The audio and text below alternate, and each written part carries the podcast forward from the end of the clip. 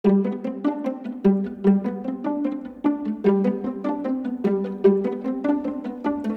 hallo en welkom bij aflevering 2 van Mendelssohns Mooiste.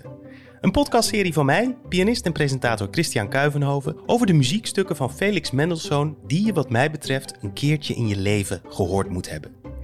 Niet alleen vanwege de muziek zelf, maar ook omdat er geweldige verhalen achter schuil gaan.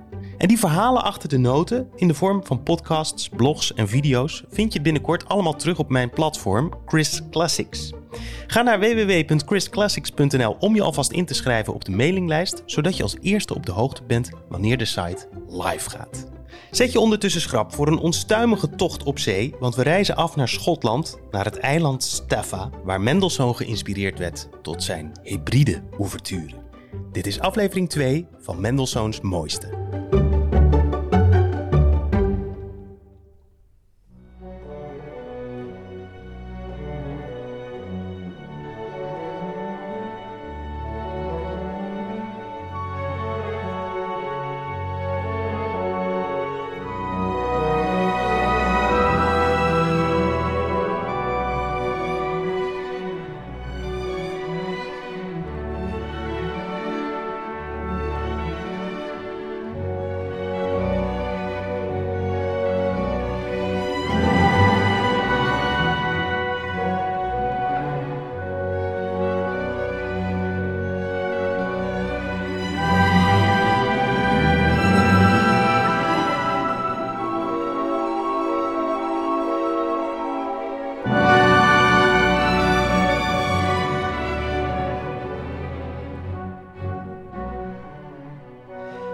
De hybride ouverture van Mendelssohn.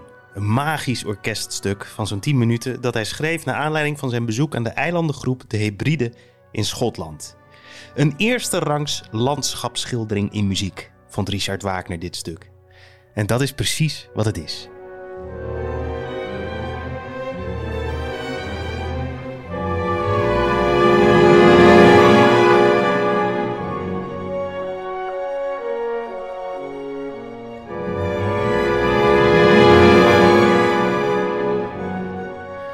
Zoals je in aflevering 1 van Mendelssohns Mooiste hoorde, kwam Mendelssohn vaak in het Verenigd Koninkrijk.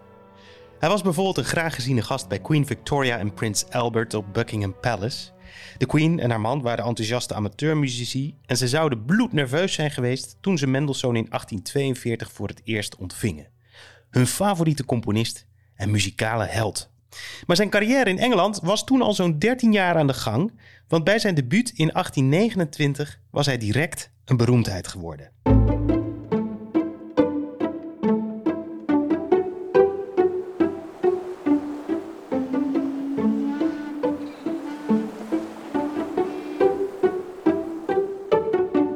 In 1829 reist hij voor het eerst naar Engeland, omdat hij thuis in Berlijn vastliep.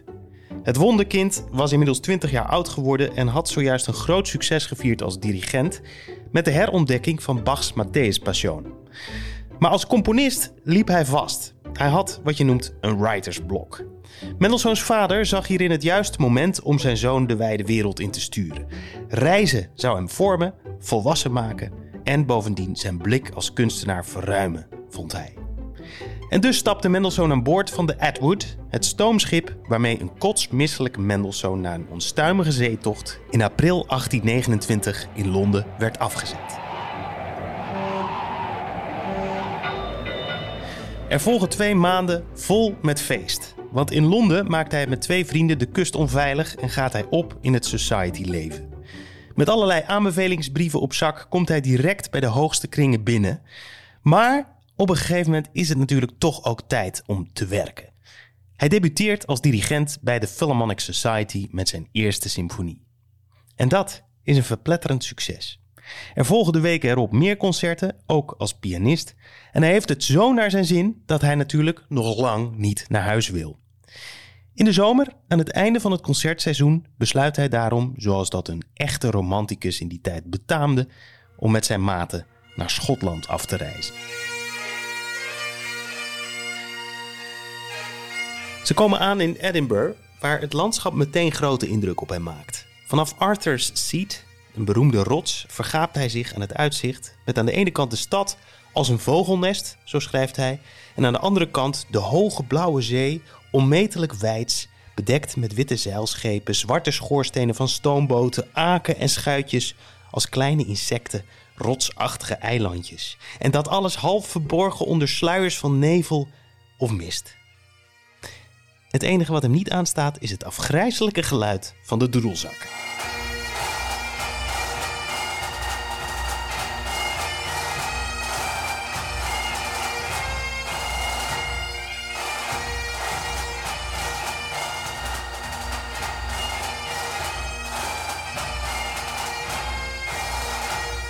Na een paar dagen sightseeing reizen ze met postkoetsen of te voet door naar het noordwesten van Schotland om de grote toeristische attractie te bezoeken, Fingal's Cave.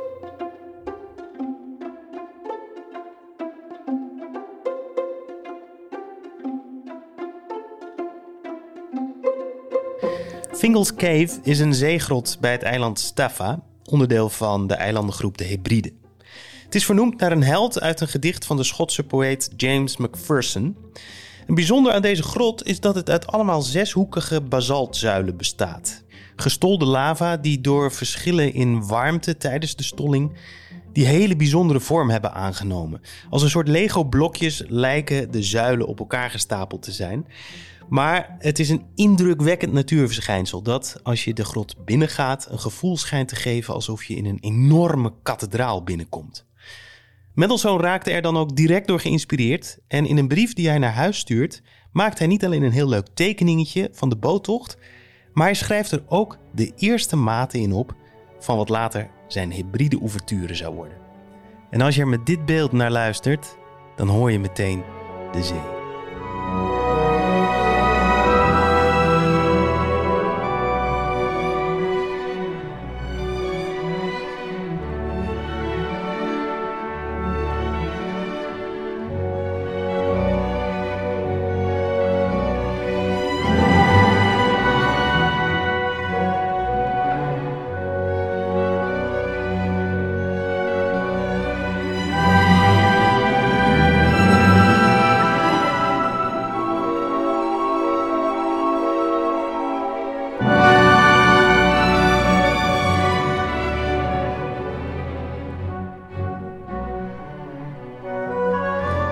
Ben er meteen als ik dit hoor. Um, maar Mendelssohn niet. Die deed er nog even over voordat hij zijn ouverture af had.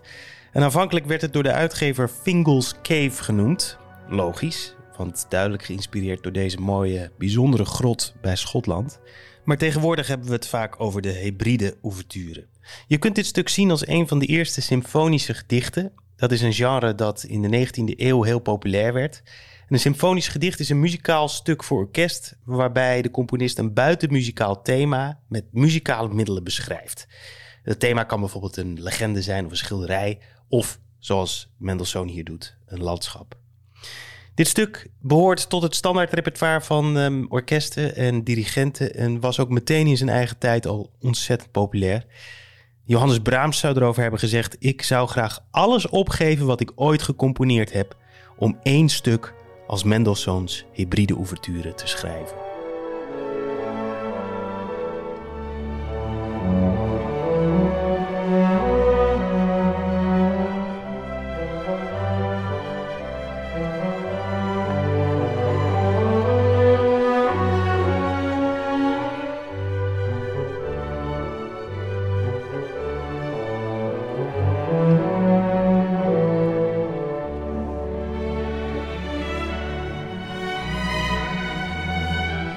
De hybride ouverture is trouwens niet het enige stuk dat hij schreef naar aanleiding van zijn bezoek aan Schotland.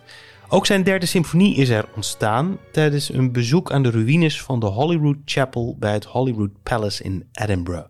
Holyrood en niet Hollywood. En die derde symfonie die staat dan ook bekend als de Scottish Symphony. Maar wat hij in de hybride overturen zo fantastisch doet en wat hem zo'n geweldige landschapsschilder in muziek maakt, zoals Wagner dat noemde, is dat hij de zee in al zijn kleuren en schitteringen en eigenlijk ook in al zijn gedaantes weet te verklanken. Het is een stuk van 10 minuten, vrij compact dus, maar er zit heel veel rijk muzikaal materiaal in. En het mooiste is toch wel als die de zee helemaal tot rust laat komen. Als een spiegelgladde oppervlakte waar je de zon bij op ziet komen.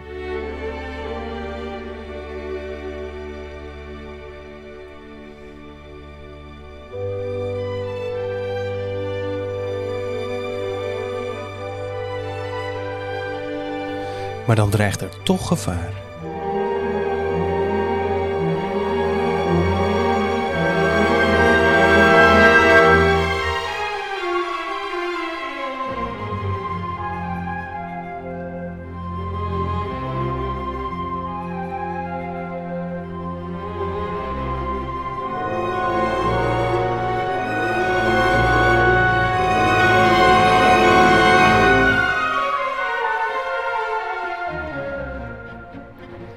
Zee geeft, de zee neemt. Zoals een mooi zeemansgezegde zegt.